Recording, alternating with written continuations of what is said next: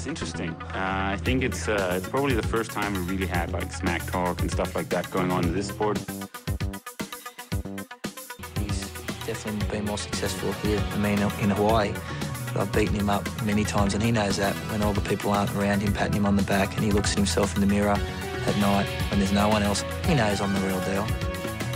Some people talk and they never won Ironman in Hawaii, so I could talk. I won twice.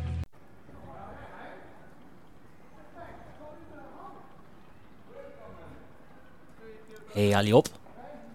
Hello everyone. Welcome to the Triangle Podcasts. In this episode, as you might hear in the background, we are in Stockholm, the capital of Sweden, to have a chat with our recurring guests, Rasmus Svenningsson. Rasmus was on the podcast after winning the Hawaii Ironman 2018 in the age group category 25 to 29. Now, two and a half years later, he has his first professional podium. So we have a chat about his journey, talk a little bit about the race, where he placed third in Dubai. This podcast is, as per usual, sponsored by Med24 and Fusion. Thank you guys. Well, I guess there's nothing to say then. Please kick back and enjoy. First of all, Rasmus, how are you doing at the moment? I'm doing uh, uh, very fine. Um, still a little bit tired from uh, from the race uh, last Friday, but uh, um, but I'm definitely recovering uh, quickly. I think. So, a, a short summary for that race. You had your first, your very first podium as a professional back in 2018 you were this top age grouper and now you have your first podium and we're going to talk about that journey a little bit but for people who might not have heard your last interview that, that might have come some, some new Yeah. listeners um Yeah, yeah. let's let's dive a little, a little bit into your background because you're not completely new to endurance sport actually you used to be an elite cross country skier isn't that right Yeah, that's right. That's correct. Talk a little bit about what kind of level did you reach there Well, not not as high level as uh, as I have reached as a triathlete for sure. Um, but I did attend uh, a ski high school um, and, uh, skied through throughout high school and uh, uh, one year past high school as well. Um, well, I didn't. I was sort of. Uh, I was very close to, to race the sort of junior world championship um, as, as as a junior uh, at one at one point, but that's basically uh, the highest level I, I reached there. Um, and um, I mean, the reason for why I ended that career was mainly because um, I got uh, recurring respiratory uh, tract infections, uh, which I mainly suspect came from you know hyperventilating in in, in the, the cold air, which uh, which you do plenty of as a, as a cross country skier. So my my respiratory tracts were like a little bit too sensitive to uh, to that to be able to to really make it as a as a cross country skier. I think. I'm not quite sure if this is the right word in English, but is that what we refer to as asthma, asthmatic problems with breathing? No, no, Not just, really? Just the common common colds. Um, Okay. yeah, yeah. Uh, so so I didn't have any asthmatic problems, uh, or or very minor, uh, if I had any of those. But but uh, you know, I just got frequent uh, colds. Uh, one can say during during the winters, uh, which um, didn't allow me to to race and train during during the winter months. Uh, and yeah, you kind of that, that's something that you really must be able to do if you're gonna make it as a, as a cross country skier. So um, yeah, a little bit of a sad ending uh, on that part, but uh, I'm actually enjoying triathlon much more, Yeah. much more than cross So, country so- skiing. so that's perfect. sure. And you actually, Yeah, a summer sport is much better.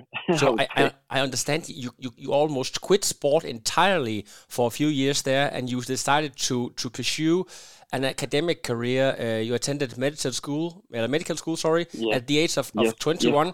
And then suddenly, Yeah, yeah, uh, f- right. five years ago, triathlon came into Yeah. the path just as a you know like like a, a thing you just wanted to do, right? yeah, uh, I mean, the, the Ironman concept had almost uh, had uh, had like always appealed to me, uh, and so from like a very young age, I had known that at some point in life I would like to try and do do an Ironman, um, and um, yeah, I decided that that point had had come at sort of age what it now was like 22, 23 uh, or so. Uh, and I also, you know, as as I attended medical school, I kind of missed having sort of endurance sports in my life. I mean, that had been a part of my life from almost my entire year, my entire life. Uh, so, so really, um, I, I definitely missed that, um, and uh, so that's um, why I was attracted to So uh, to endurance sports uh, and and triathlon in particular. So Rasmus, what I'm going to talk about right now, I don't know if this is typical for your uh, personality, but what happens actually after a few years, Mm-hmm. you had triathlon as an ho- a hobby, and then it got more Yeah, and yeah. more serious. And 2018 ended in Kona on the top, uh, winning Yeah. the uh, 25 to 29 age group. Would you say that's that's typical for you in your w- to describe your your personality? That that when you get obsessed with something, you're you're 100 percent uh, focused and dedicated to that thing. Yes, yes, I would definitely say so. I mean, uh, for sure. I mean, when I did start medical school, uh, I mean, my my life was like uh, entirely sort of about uh, about medical school and and um, trying to uh, to do that to the best of my ability uh, and to to you know score the highest uh, highest points on the exams and and and so on. Um, so so I think that's definitely I, I just you know go go all in in sort of everything that I do, um, and uh, I'm having like an issue sort of balancing things maybe a little bit. Uh, I think I've for for like two three years during medical school I had like quite a nice balance between uh, between triathlon and and medical school. But uh, but then triathlon t- took over entirely. I mean, towards like the last one, two, one and a half year or so of medical school, then I mean my ambitions level declined a little bit, unfortunately, in in medical school, and and my ambitions in in triathlon raised. But I think that's I, I couldn't really do it any any other way. Uh, I mean, I'm I'm having sort of like a little bit of trouble to to have like two main focus points in my life, and um, uh, I mean it's I like to focus on basically one thing at a time and, and do it 100%. So yeah, I agree with you 100%. That, that describes my, my personality very, very well. I think this is super interesting, and we might return on that subject a little bit later. I think it's it's Yeah. super interesting because a lot of people talk about uh, pursuing dual careers, and you can have one thing and the other. But uh, but but I can I Mm. Can totally relate to that. It's very difficult to Mm. achieve on a high level on two different.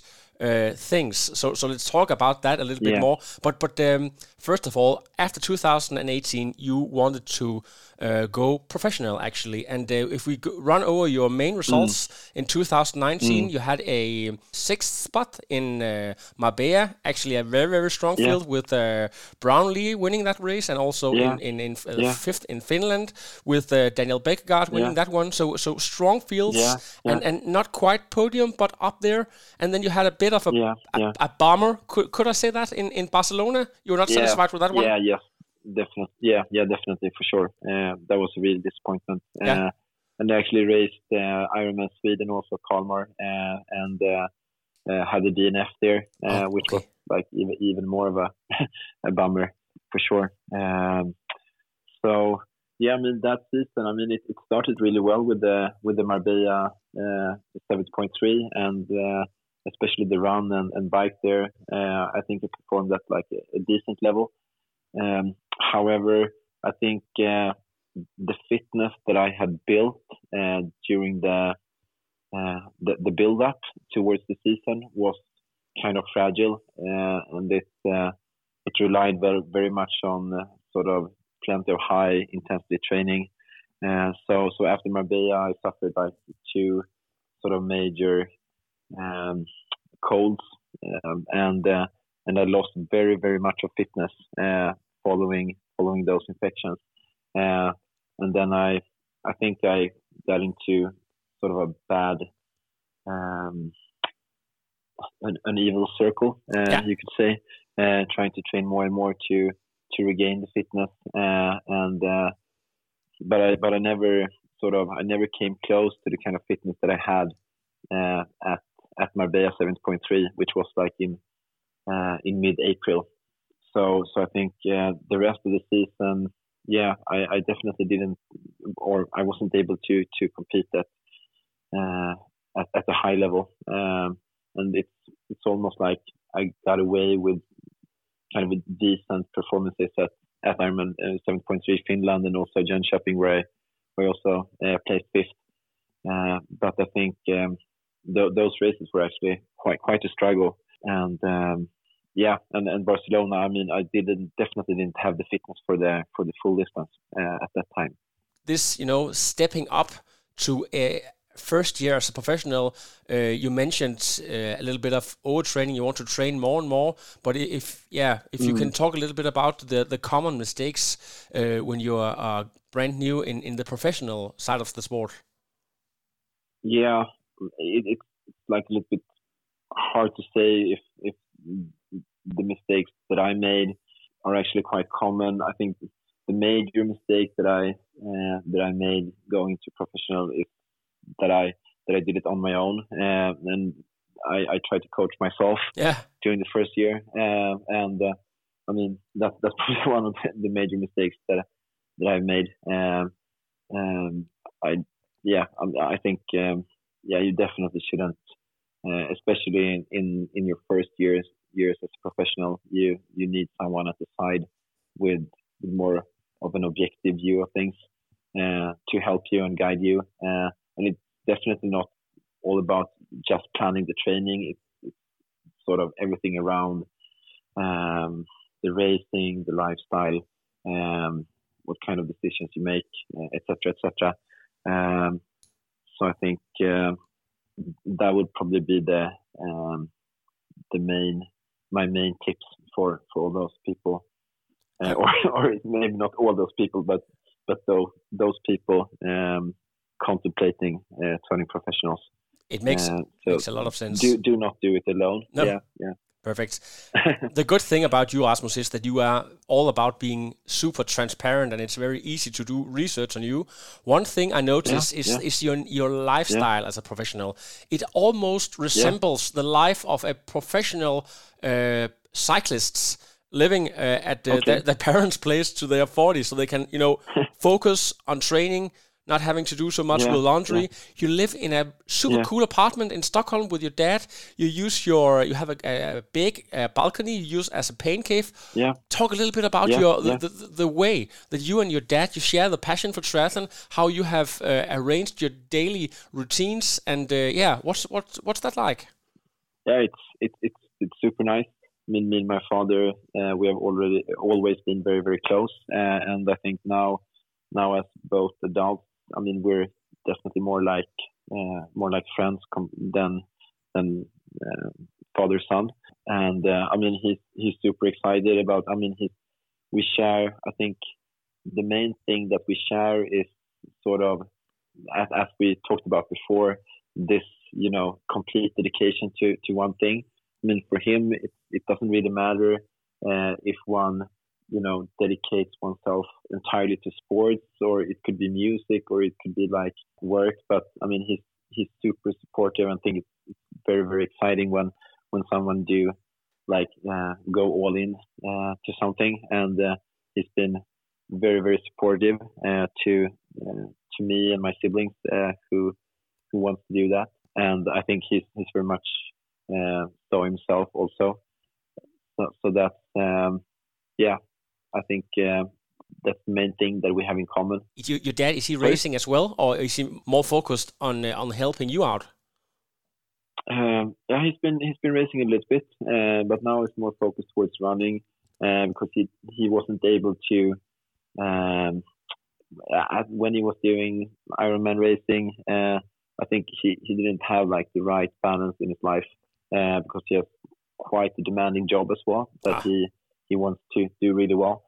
Uh, so now he's he's more like uh, focused towards uh, towards running and develop there because you can you can actually develop with quite much fewer hours of training. Um, so so that's I think he's finding finding a, a better balance in his life now, and it's yeah, but he's mostly sort of focused on on helping me, and uh, yeah, he's really excited about uh, my my journey uh, within this within this field. That's super cool, and I understand that you live super close to an uh, open pool as well, and you are very close to Yes, also uh, nature, even though it's in Stockholm. So, talk a little bit about Yeah, uh, your, yeah. your what's what's your typical training day like? Yeah, I mean, I for most of the times I I go up at around seven o'clock. Um, I have like a little bit of breakfast, and uh, usually I have um, a swim in the morning, um, and uh, to be like between one and one and a half hour uh, of swimming, either either hard or like endurance or like a little bit easier. But uh, for for almost every day, I start the day with a swim, um, and then uh, try to have like uh, an early lunch at like between 11, 12, and after that I uh, relax a little bit, maybe have have a a short nap, um, and then uh, sort of one a, a bike session or, or a run session follows. But for most of the time, it uh, comprises some some kind of quality, even if it's like endurance or or some more high intense stuff. But uh, but I would say that that's quite a typical day. I, I used to try and uh, finish all training before eight six o'clock um, the latest uh, because that leaves you know um, a very you, you can prepare dinner very peacefully and uh, get a time to to wind down a little bit and, and relax before before going to bed. So you take your um, nap time and your sleep recovery super serious as well. Yeah, yeah, that's. I mean, I think that that's the best kind of recovery that you that you can have, and uh, I don't. Uh, I basically don't do any other kind of sort of recovery modalities, uh, despite despite sleeping, napping, and and having like uh, uh, very good um, full, eight eight nine hours of sleep every night. Uh, but but I don't I don't uh, practice massage or like uh, recovery boots and stuff like that. I think uh, sleep is is the um, the, the first priority that you should that you should have. Yeah. So so the more basic, the better. Can you say? Yeah, yeah, definitely, definitely. Yeah, That's super cool. don't overcomplicate things. Let's talk about the horrible 2020 that season. That was supposed to be a, a, re- a great year for you. I, I, I guess you had a lot of hope, a lot of hopes. You were yeah, definitely. you had your degree, and you were you Yeah, uh, yeah. in med, in med school. I have one question about this because there's Yeah. a, there's a, also some female prof- Swedish professionals, Sara Svensk, Åsa Lundström, uh, who uh, are. Yeah. yeah who are doctors. Can you can you just Yes. uh, leave med school and and stay out of the loop? How does that work? If you say, okay, I want to be professional, don't you somehow don't you have to keep in touch with the medical system somehow? N- necessarily not. Uh, I mean, it's uh, after you uh, you finish medical school and, and get your get your degree, then uh, to get to be a, a licensed doctor in Sweden, and I think it's the same system in Denmark and Norway as well. Yeah. Uh, then you need to do um, uh, like a one and a half year internship, Exactly. uh, and after that you can have your life. Yeah, exactly, exactly. Um, and after that you can have your degree. But uh, this is actually um, a position that you apply to. So um, you can just choose not to apply for for for that position, um, and uh, nothing say nothing says that that you cannot do it. Uh, sort of ten years later, uh, maybe it will be like a little bit more difficult because you uh, it's it's much further away all all the all the knowledge that you had since medical school. Yeah. But uh, I mean, once again, I think uh, I I know that I cannot really do um, anything uh, halfway. Uh, so and and especially as a as a junior doctor, then you need to be kind of dedicated to uh, to work. I think, um, to be able to do to do a good job uh, where you are. And uh, I felt that I wouldn't be able to to do that. So um, I'm just you know leaving it fully behind at the moment, or or putting that career aside. Um, and we'll see uh, one day if I if I will take it up again. But um, right now, I'm, I'm very I'm feeling very strongly that I made the right decision pursuing triathlon full time. Uh, so so that's definitely what I'm gonna continue doing for uh, for an undetermined future. Reminds me of another famous Swedish person, Dolph Lundgren, the actor, was also a, yeah, a chemical yeah, doctor yeah. Uh, when he was not an yeah. uh, uh, an Hollywood actor uh, with a very very high IQ. So so I think it's uh, it's super interesting that you can uh, actually have those two uh, careers uh, uh, next to one another. So super interesting, Erasmus, and, and, and respect from me Yeah. for, for you to, to, to choose uh, between the two and want to pursue this pro career 100%. Rasmus, Yeah, yeah. another very Thank interesting another interesting thing. Yeah. You Mhm. were not super uh, impressed by your own season. It was a bit mediocre. I think I believe you, you said about your, your first pro season you wanted to have a coach. Yeah, And uh, yeah. I, yeah. uh, of course, in my research, I looked this coach up. His Mm. name is David Tilbury Davis, and he is no Yeah, one other yeah. than the coach of Lionel Sanders, also Kim Morrison, Uberbikers. Yeah. Um, I know for Yeah. a fact from our last talk uh, a couple of years ago that you are a Yeah. huge fan of Lionel Sanders. So how Yeah, did you manage to get on that squad? You have to talk about this. Um, well, I mean, um, it, it most certainly wasn't because uh, I mean, at the time I signed up for David Tilbury Davis, he he wasn't coaching Lionel then. I mean, he had coached him in the past, uh, leading up to his uh, second place in Kona in 2017. Yeah. Um, but but after that, they ended the relationship, and and uh, Lionel got into got into self coaching again. But I was um, I actually contacted a, a friend of mine, Mikael Eriksson, uh, the host of um, uh, that triathlon show, um, uh, and uh, he's also running a coaching business himself called Scientific Triathlon. Um, and I have huge respect for Mikael. He's a he's a very intelligent guy and um, has a very very good taste. So so I reached out to him, and I know he's been interviewing like hundreds of, of different coaches uh, within triathlon and cycling and running. Um, and it was like, in, in your opinion, who who would you hire as, as a coach? And uh, then he said, yeah, look into David Tilbury Davis. Uh, he's like, he's doing coaching 100%. Uh, he's not doing anything else. And he's um, only coaching like 15, 16 athletes uh, just so that he can be fully devoted to to all his, his athletes in a in a very um, devoted way. Um, and um, yeah, I sent him an email, and he, he had a spot on his roster. So um, I think we hit it off very very well uh, immediately, and so so we've been working together ever since. So where is he based? Uh, I, I- couldn't quite figure out uh, if his his nationality. He's he is British, but he's yeah. currently based in Helsinki, uh, in Finland. Um, his wife is uh, uh, Finnish, so so that's where he, where he lives with his wife and and uh, one kid at the moment. But he's been he's been living in the states also during quite a long time in his life. Um, so so it's been around a lot. So what what were the major changes when you started coaching with uh, David here? Uh, what happened? Because you also write somewhere that you all of a sudden felt that your game rose to quite another level quite fast, actually.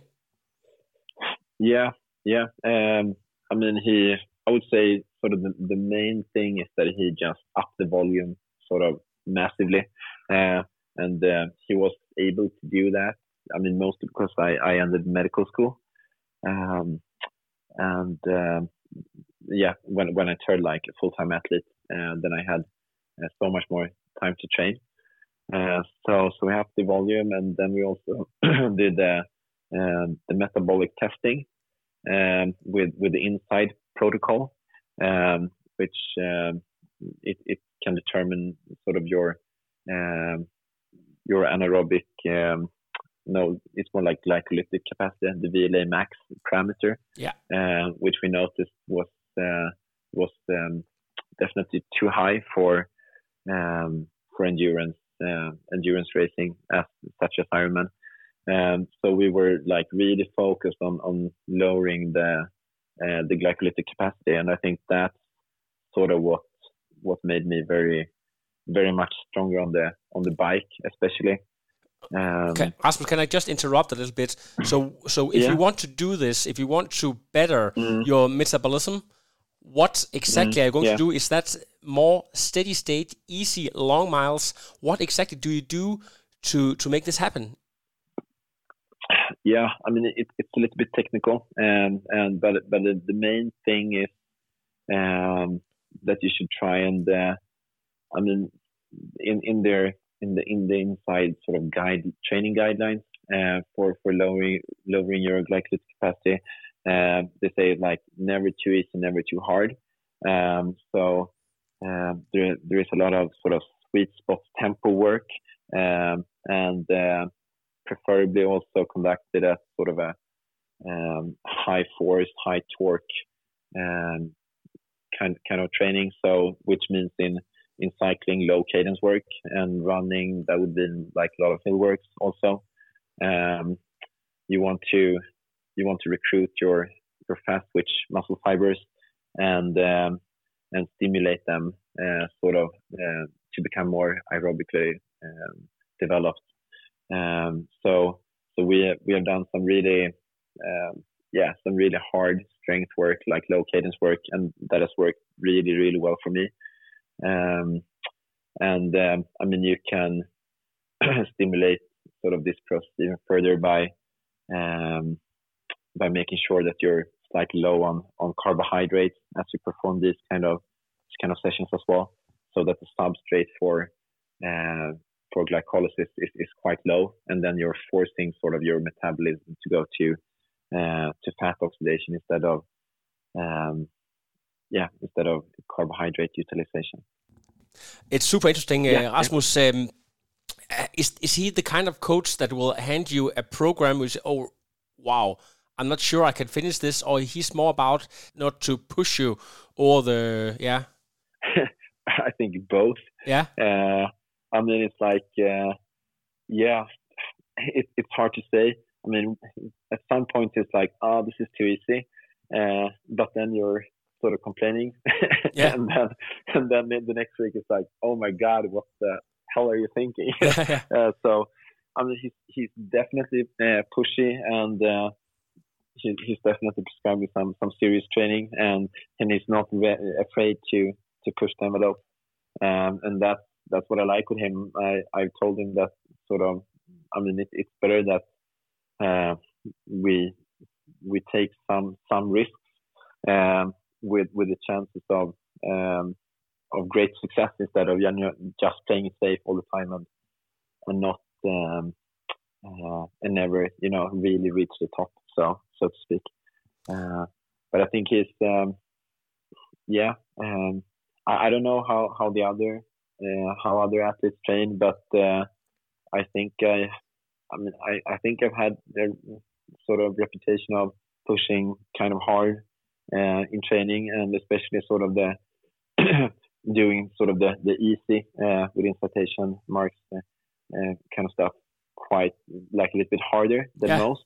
But but for Ironman training, I think uh, the easy or the endurance training that's uh, that's the, the kind of that's our main sort of quality training. So I mean, to me, it's kind of it's logical to make that that sort of like not too easy um, and if you're like a little bit uh, more tired on the, on the high intensity stuff, that wouldn't matter too much since I mean that's that's not within the um, the departure where where you're supposed to to perform. So I, I'm I'm more like looking at the more specific the kind of training is um, in regards to to the demands of the racing. That um, that's where I'm sort of prioritizing um, to to to lay the most sort of energy and effort. Um, and um, um, yeah, maybe, maybe that's uh, why why it's been raising a few eyebrows uh, here and there. Yeah. I don't know.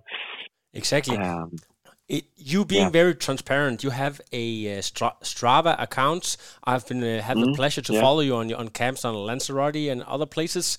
Yeah. And uh, what's really, I know you're a big guy. You uh, of course you you push high Mm. numbers, but but even to professional standards, you you have really really high numbers for some, from some of your long rides, uh, way above Mm. the, the 300 for your average uh, ride. So is that something Yeah. uh, this uh, coach collaboration has helped you up the game, or have you always been a guy? You, you said it a little bit before. You have always pushed a little bit hard, but but have you uh, taken it to another level? Actually, uh, from from working with the new coach.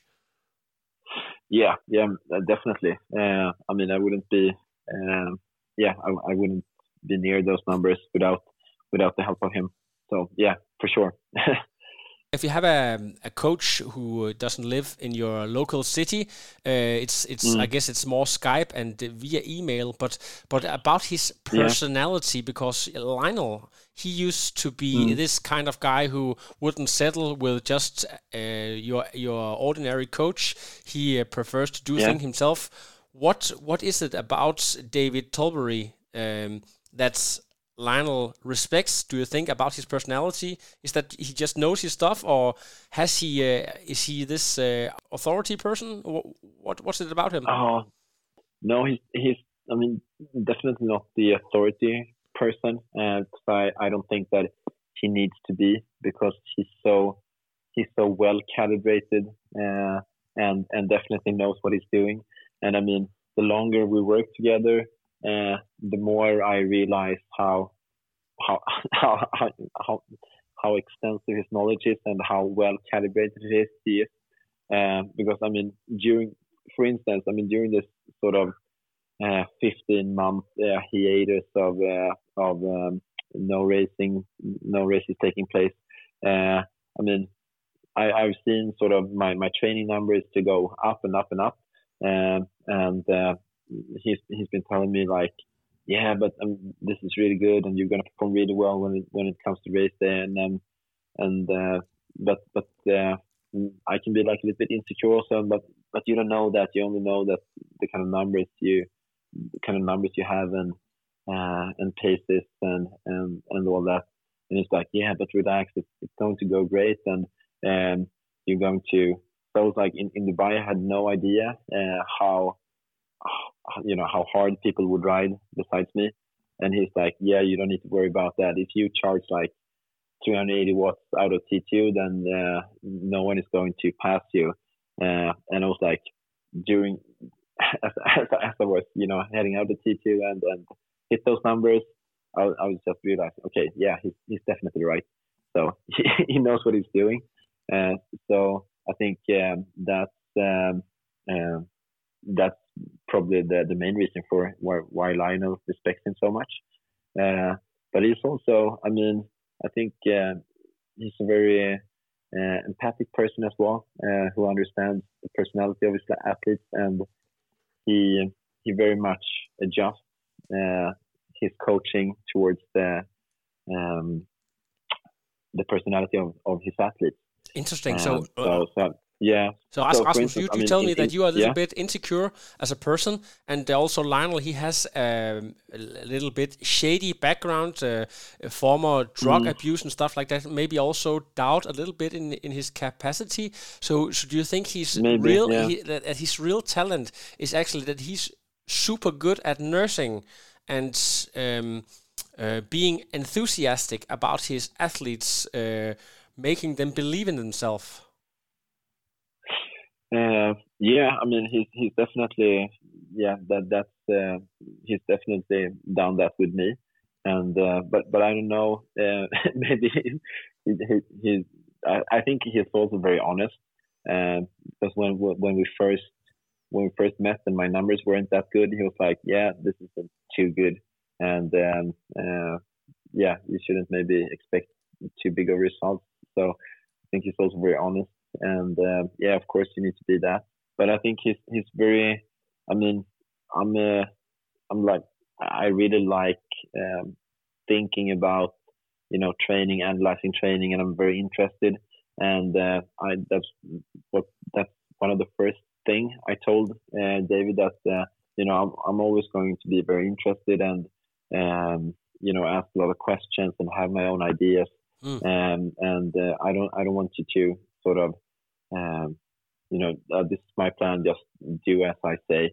And I think that this is it's, it's more like we have this, this learning process and the more we have started working together, I felt like, I mean, yeah, this session would be like really good for me to do. It, uh, it would uh, give me a lot of confidence. And then he's always like, um, yeah, yeah. I mean, if you want to do it, uh, then let's do it. Or if it's, I mean, if it's too crazy, then he says like, yeah, I mean, that's a little bit too crazy, but we can do this and that, and it, it's a little bit similar. Um, so definitely listening to to his athletes and and their own ideas and um, and uh, letting you know. So it's not, it's not a it's, it's not a dictatorship. Yeah. It's actually a, a, free space where you can have your own saying in uh, in training. Yeah, yeah, definitely, definitely. That's, that's super cool. Uh, and and that that's something that I um, appreciate very, very, very much. Uh, and also that that he actually has the time to do that. Um, I mean, sometimes it feels like you know um, I'm talking to him basically every day, uh, or like texting or or um, conversating through Turning. Uh, I mean, it's it's a it's a daily contact, and uh, yeah, that's that's that's really that's really awesome, and you always you always get a um, a very good answer. Can, uh, can, sorry, Rasmus, can I ask a little a little personal question? It's not uh, of my business, yeah. but I just wonder I believe a coach like that, he's not that cheap if you have uh, daily contact. So is that a sponsor or do you have uh, your your father helping you a little bit financially? Uh, what's the deal there? Because I know a lot, a lot of people, the problem is if you're mm. not racing, then uh, mm. the, the coach will eat your entire budget. Yeah, yeah. I, um, I mean, I don't think he's, I mean, for, for the kind of services that he provides, I think he's yeah, he, he he's not very expensive at all. I pay like 350 or no 335 euros a month uh, for his services, uh, and and of course I have like a lot of support from my family financially. So that's yeah, I'm really happy and and um, content about the situation.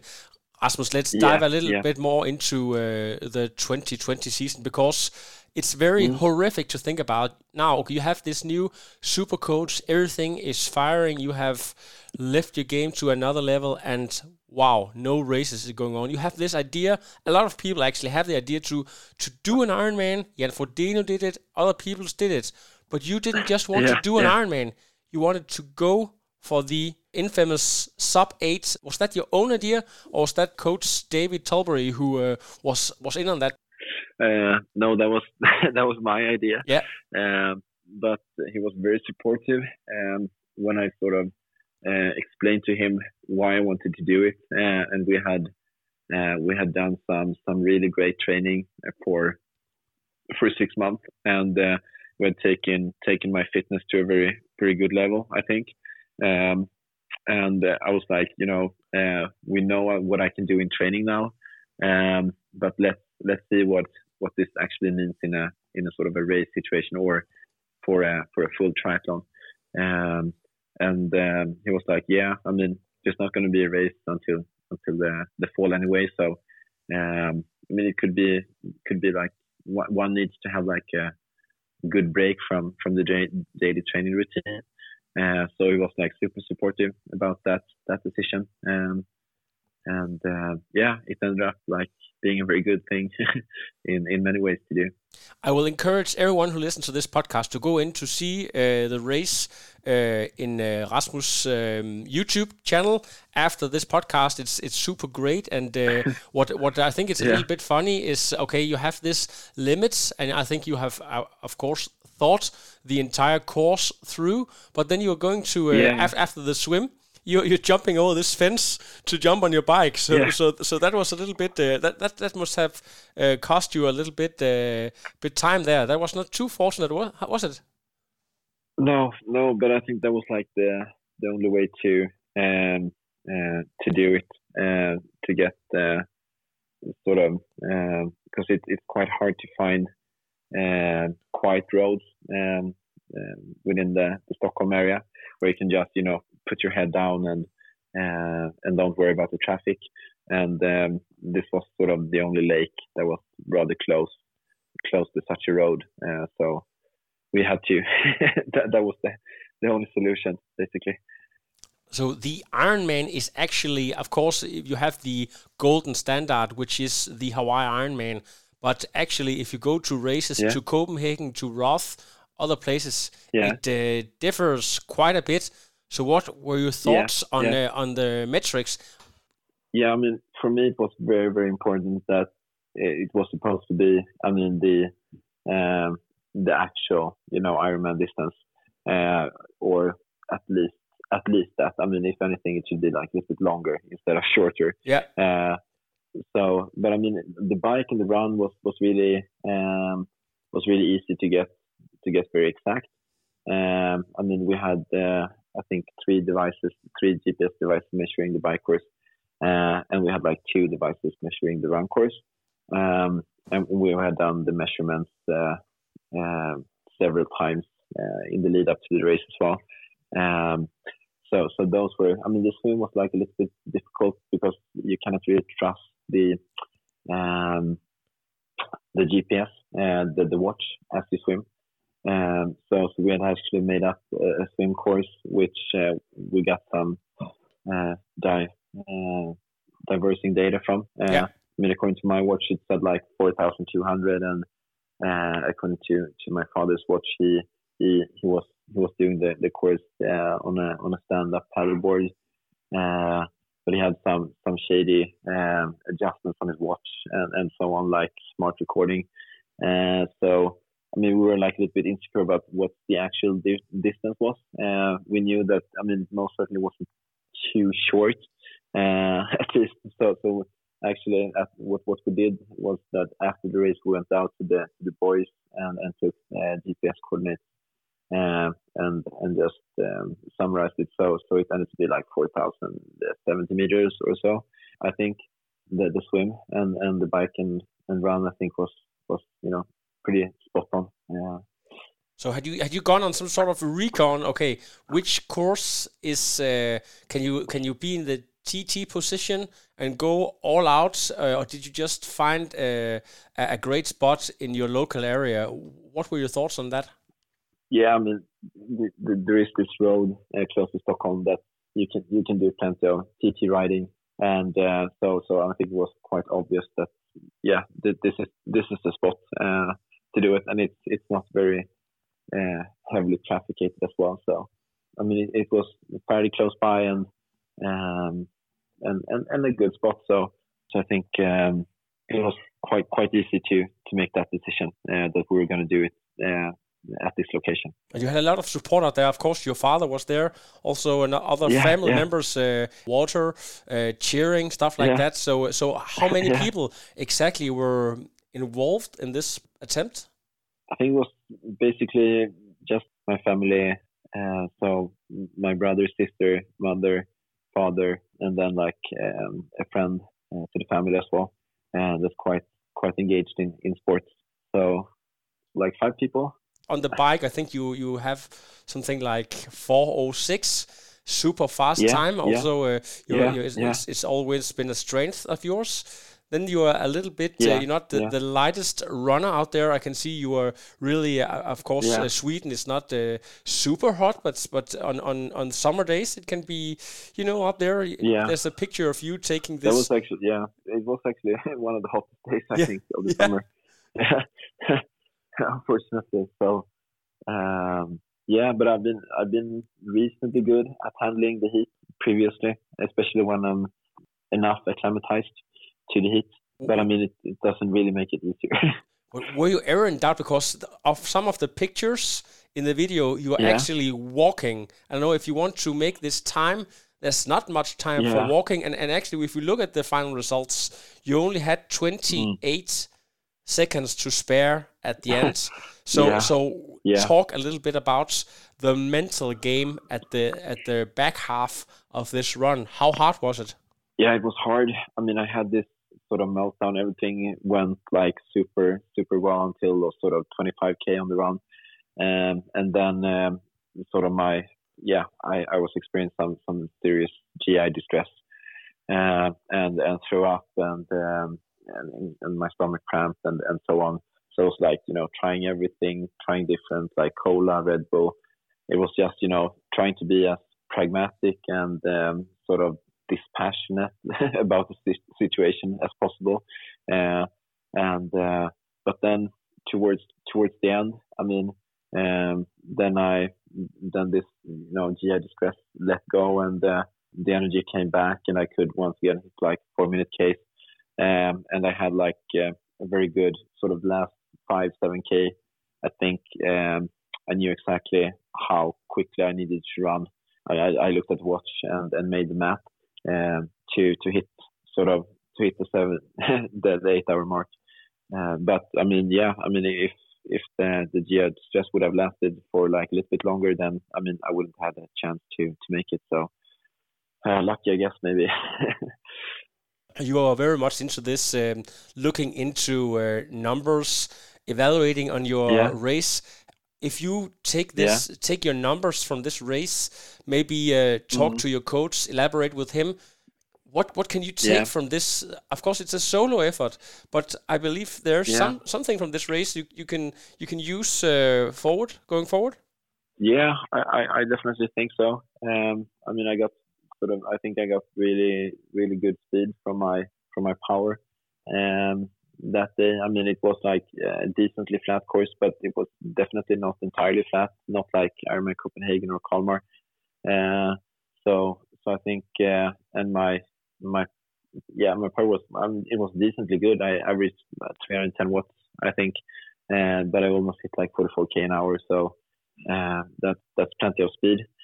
Um, and, so, and, and just just uh, for the record, how, yeah. much are you? Uh, 85 kilos or, or how much? Uh, how much? No, like uh, at that time, like 79. 79. Uh, okay, and you're how tall? Yeah, 190 or 192? One one one uh, 87.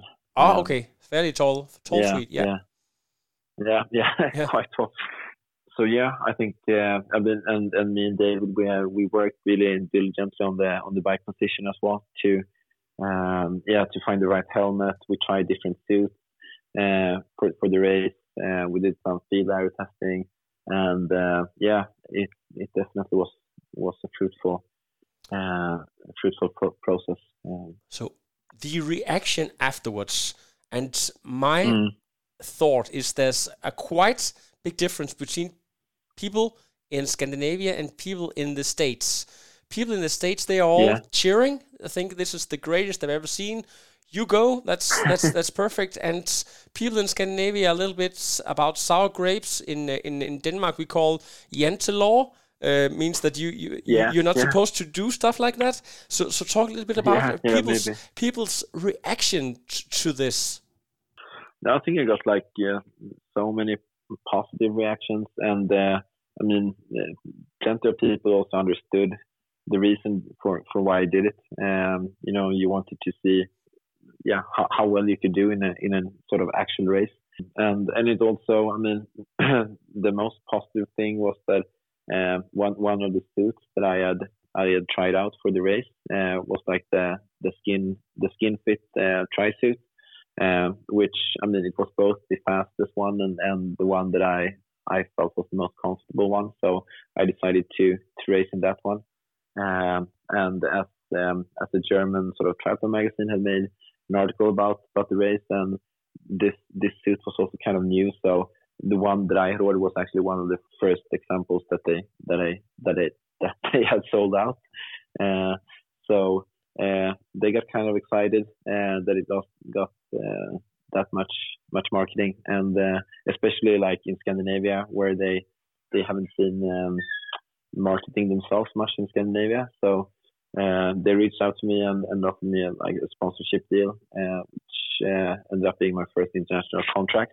Yeah, um, that fantastic. was kind of yeah, that was kind of big for me, uh, and uh, I'm, I'm I'm still very thankful for for the faith and, and trust that this company has placed in me. Uh, so so yeah, I think so yeah, it's, it's, it's, a really great company, and, and they make some really great stuff. So I'm very very happy to to be to be representing their their brand and and wearing their product. So Rasmus, you're saying something it's very, super interesting here because one thing mm. is the actual performance. Another thing is mm. as a professional, you have to make your own fortune. So this is also yeah. a very strategic PR stunt. Can you say that? I wouldn't say. I mean, it was. Uh, I mean, it ended up being. I would say because the motives for me doing this was definitely not like a, a, a PR thing. Uh, I mean, it was, you know, I wanted to see how far, um, yeah, or like yeah, the the fitness that I had, you know, developed over over the final like six months, um, what that would yield in a in a sort of a real race situation. That was my 100% motive at the time, and then it, sort of ended up being a, a good PR thing as well.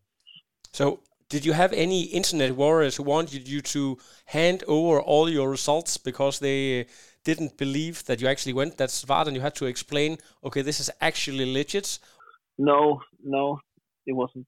So, okay, think, people, people mo- mostly most, mostly po- like positive, so. so. that that's uh, that's great yeah, to hear. Yeah, but but for yeah, you, um, I understand. I, am not sure if it's after this or a few months later. You had a stress fracture, is mm. that right?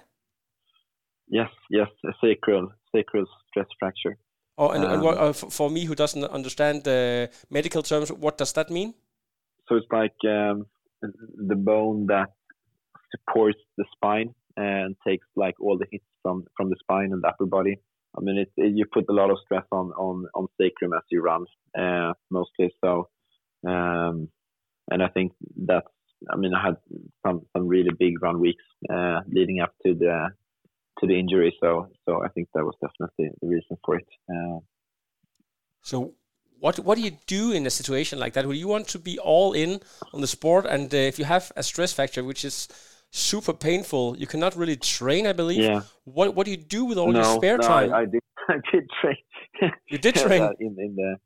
Uh, no, I mean no, not after I got like, diagnosed, but um, I mean uh, before I got diagnosed, and I, I did actually train train on it. That was yeah extremely pain, painful, but yeah that's that's the way elite sport sport is, I guess. For how long uh, did you take to recover from this? Um, it took like twelve weeks uh, before I got back into running. Oh, that sounds uh, that sounds pretty. Uh, and and then you just back to yeah. Uh, walk, run, walk, run. Or how, how did you? Yeah, yeah, exactly, exactly. It was like a back to running protocol. Yes. Um, so what we actually saw in um, in mm. Dubai, would, would you say that you're up to your former level, or are you still far, far bit away from? Uh, because the reason why I ask, you actually have one of had mm. one of the fastest run. I think you you ran like a yeah, yeah. 109. Yeah, yeah, and the course was like a little bit, uh, little bit short. Yeah. So I mean, if but but even that com- compared like, to compared to the others, yeah. you still had a, had yeah, yeah, a, faster race. So yeah, yeah, yeah, uh, yeah. I think I think my run is like in a better place actually now than it was before the injury. I mean, I really got very quickly back into into my old run shape, and uh, I mean, I've not been able to to run that well uh, before. Yeah, I don't really know how how things could how how I could get that good run shape yes so soon after uh, after the injury. But uh, I mean, it's definitely even better than than it was before. Uh, I mean, I, I did train a lot during the injury uh, uh, period. I mean, biking and running. And so so maybe there is a little bit of a crossover effect between between cycling and, and running uh, that I could benefit from. I think it's super interesting. And now we go into yeah. uh, the the end of 2020, and actually here in mm. Denmark, just before Christmas, we had a complete mm. shutdown. That meant no pool yeah. swimming for, and and then they mm. opened for professionals a little bit later, but no pool swimming, and we yeah. we are still not able to swim. No going to camps, no nothing. Meanwhile, people in Sweden just went on as nothing happened, going to pool. I saw you guys going to Pilates. So, as a, a, person with a medical background, what what yeah. what do you feel about that? That when you see uh, another country which is in, in in complete shutdown.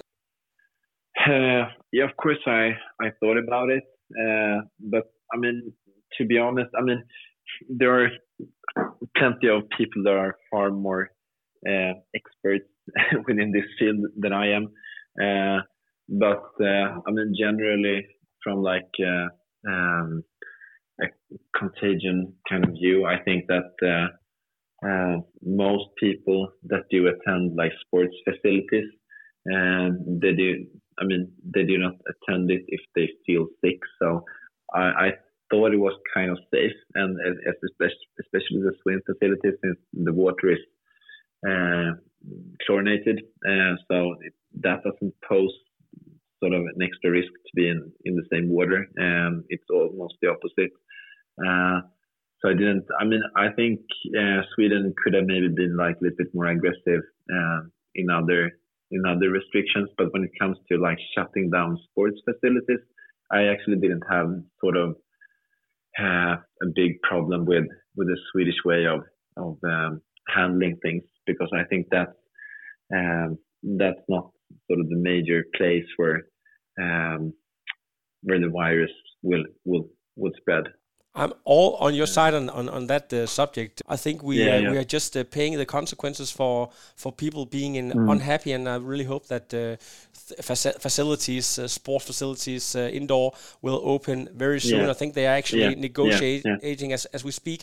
But um, okay. and, and you you had a really good build up at Playitas leading into Dubai, yeah, which yeah, was this, uh, yeah. yeah. the reason for our talk here, your breakthrough race. So have you had you mm. during the weeks leading into Dubai a feeling yeah. that you could do a major result here? Because I also know that seventy point three is actually not your your main distance or your favorite distance. No, uh, that's maybe like up for discussion now, but uh, yeah. But but anyway, I mean, my, my training has been very much focused towards Ironman, uh, the Ironman distance. Uh, uh, but but as as me and David decided let's uh, let's take a chance on Dubai and let's not um, you know let that opportunity to race slip.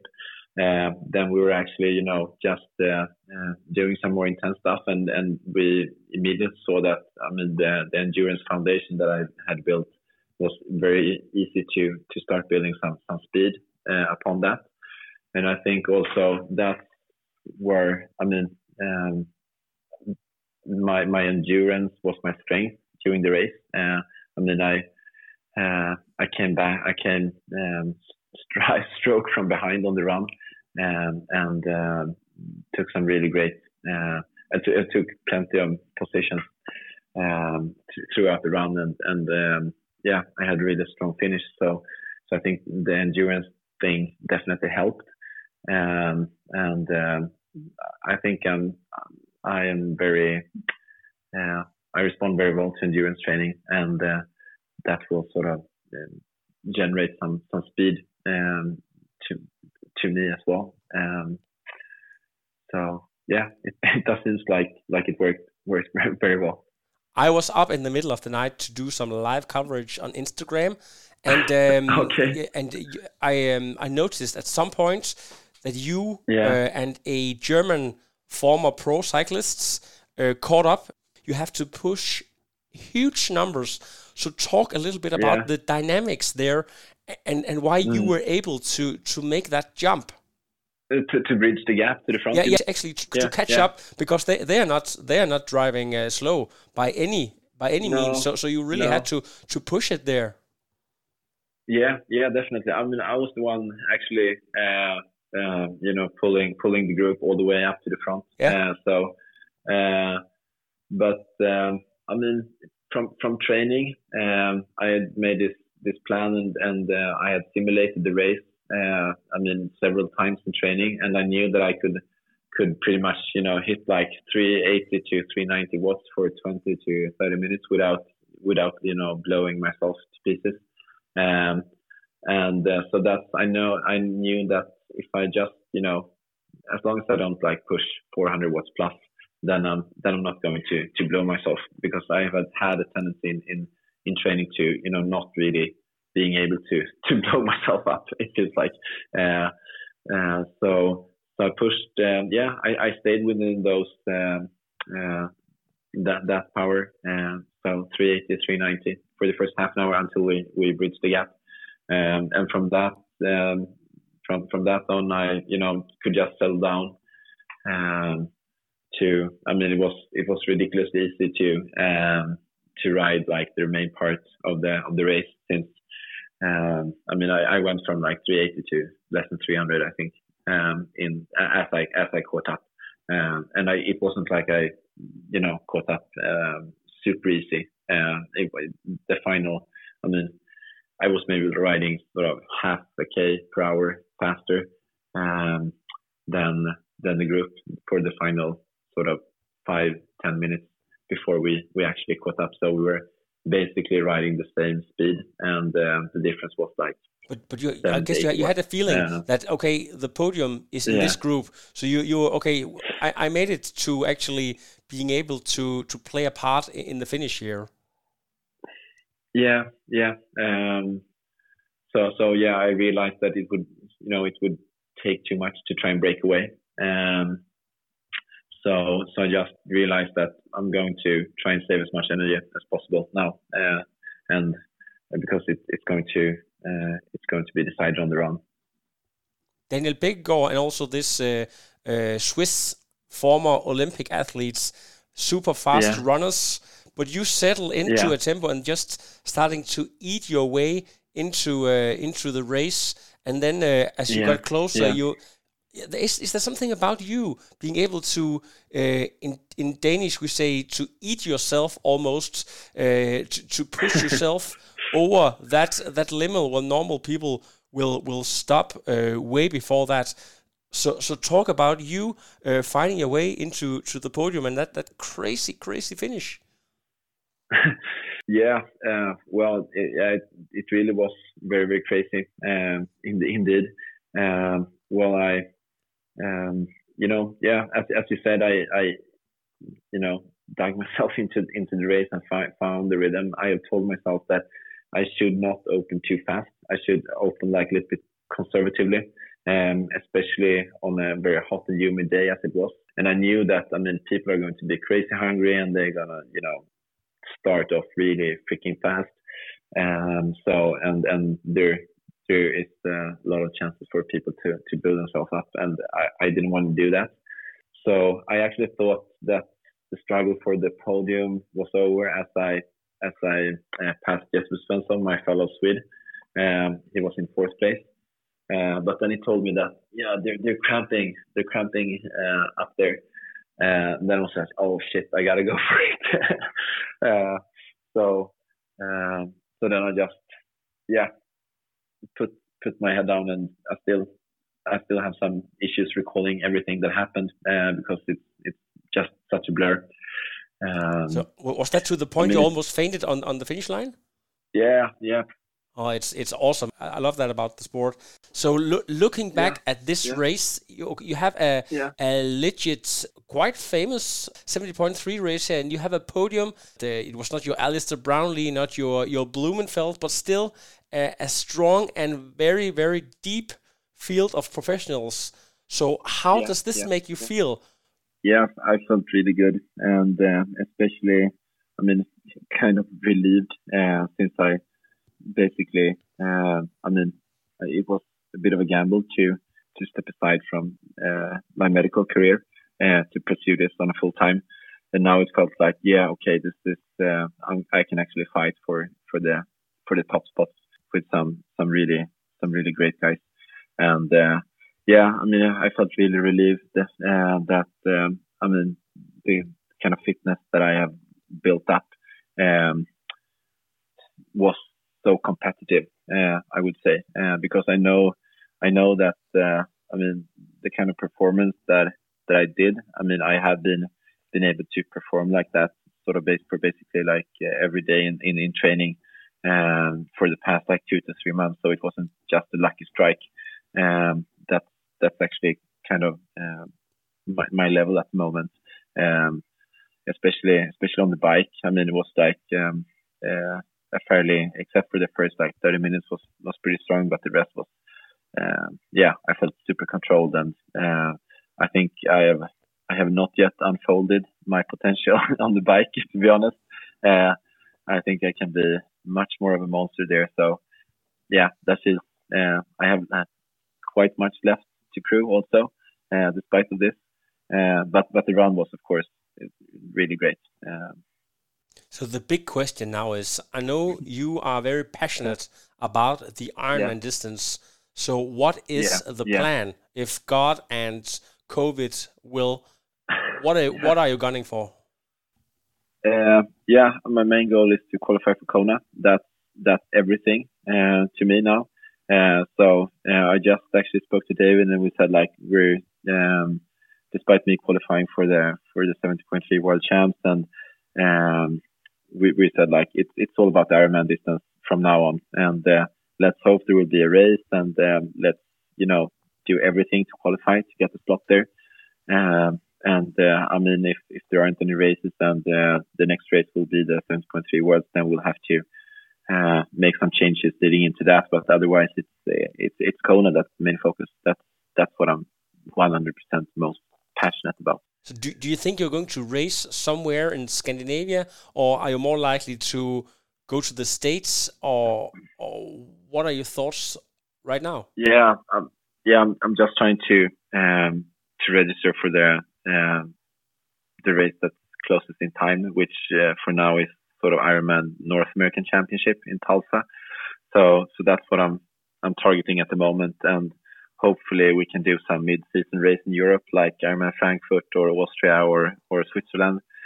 Um, so yeah, those those are my sort of main two uh, two goals uh, now from now on. Very very interesting. Last but not least, yeah. you mentioned you managed actually to to have a few sponsor deals here in this yeah. uh, crazy season. So so you have time mm. to to to give them a bit of a plug here on on the podcast, Rasmus. Yeah, yeah. I mean, uh, I mean, first and foremost, I would say SkinFit. Uh, they really put their put their trust in me before I was able to to really prove myself in a in a real race, and and I'm so thankful for that. And uh, it's, it's, such a nice company, and uh, yeah, I'm, I'm, really happy to be part of that that family. Um, and also Swiss side, the wheel manufacturer. Um, I think they make excellent, super fast, super fast wheels. And they also uh, they also sponsor me with a with a brand new wheel set uh, for this season, which I'm I'm super thankful about to to be on their team as well. Then I have um, there's a Swedish uh, sports nutrition brand as well, and uh, and this um, cycle store here in Stockholm that that I'm also that also sponsors me, which which I'm really thankful for. That sounds super super great, and I, I know there's a lot of teams right now. I think uh, Craig Alexander yeah. started a new team. Uh, have you been poked yet, or you, you have your, your own team and your own uh, collaborations? Uh, yeah, I don't no, no, not part of a, of any team at the moment. No. were, were you at some point actually involved with uh, Terrible Tuesdays, or are you still uh, uh, training with those guys? Uh, no, no, I actually never been part of the okay. Uh, the Terrible Tuesdays. So you're but, the but, but only well. yeah. only Swede who who's not uh, a, part, a part of uh, Nelker's yeah, famous. Yeah. yeah, yeah yeah, one could say that. Yeah, for sure. But I know Nelke very well, and I really like him. So yeah. Uh, but uh, not everybody could be on his his, his team. Maybe if you have a great season, you can you can be on next year. yeah, yeah, we'll see. Maybe, maybe he'll let me. it has been such a pleasure, Rasmus, to talk to you, and, con- and huge congrats on uh, on making that podium. I know it's it has meant a lot for you, and uh, I will continue yeah, yeah. following your career. And uh, you are mm-hmm. more than welcome next time you have a, a great result, and uh, then then uh, the podcast might not be so long, so we, we don't have to uh, evaluate your entire career. At that time, we'll we'll maybe okay. go a little bit okay. into talking about the performance itself. But huge congrats, Rasmus, and yeah, take care. Ah, thank you very much yeah, yeah, you too. Yeah. Thank you very much. No, I am done. Another. But now it's, I'm done. I have no power.